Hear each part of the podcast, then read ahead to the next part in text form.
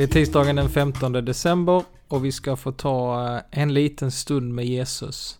Att få lyssna till hans ord och att få be till honom, det kan verkligen förändra allt.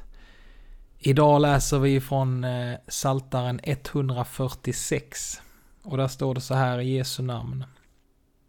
Han som har gjort himmel och jord och hav och allt vad som finns i dem, han sviker aldrig sina löften. Han ger de förtryckta deras rätt. Han ger dem svältande bröd. Herren befriar de fångna. Herren öppnar blinda ögon. Herren rätar krökta ryggar. Herren älskar de trogna. Herren ger främlingar skydd, stöder faderlösa och änkor, men korsar det ondas planer. Herren härskar för evigt. Din Gud, O Sion, från släkte till släkte. Halleluja.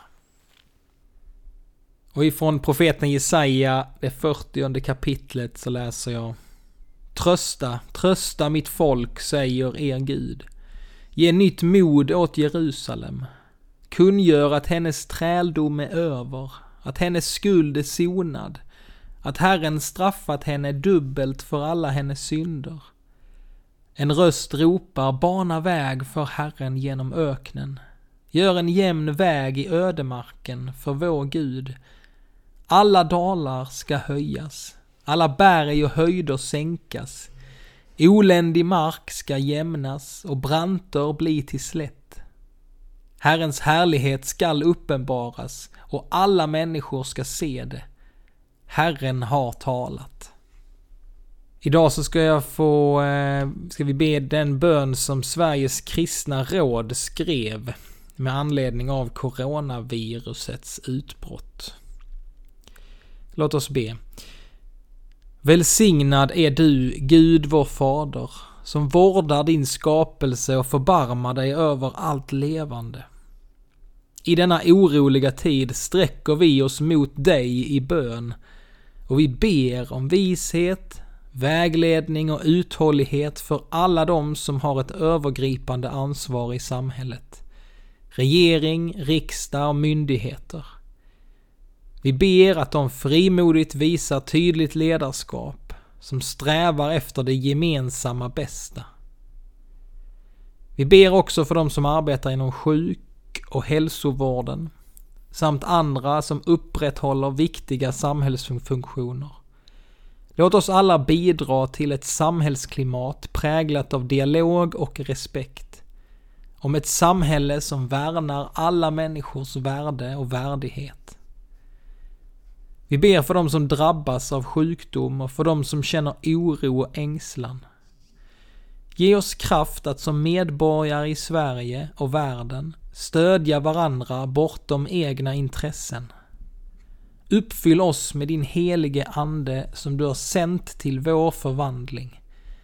Ge oss förmåga att visa på den kärlek och solidaritet som Jesus Kristus visar. I Jesu namn. Amen.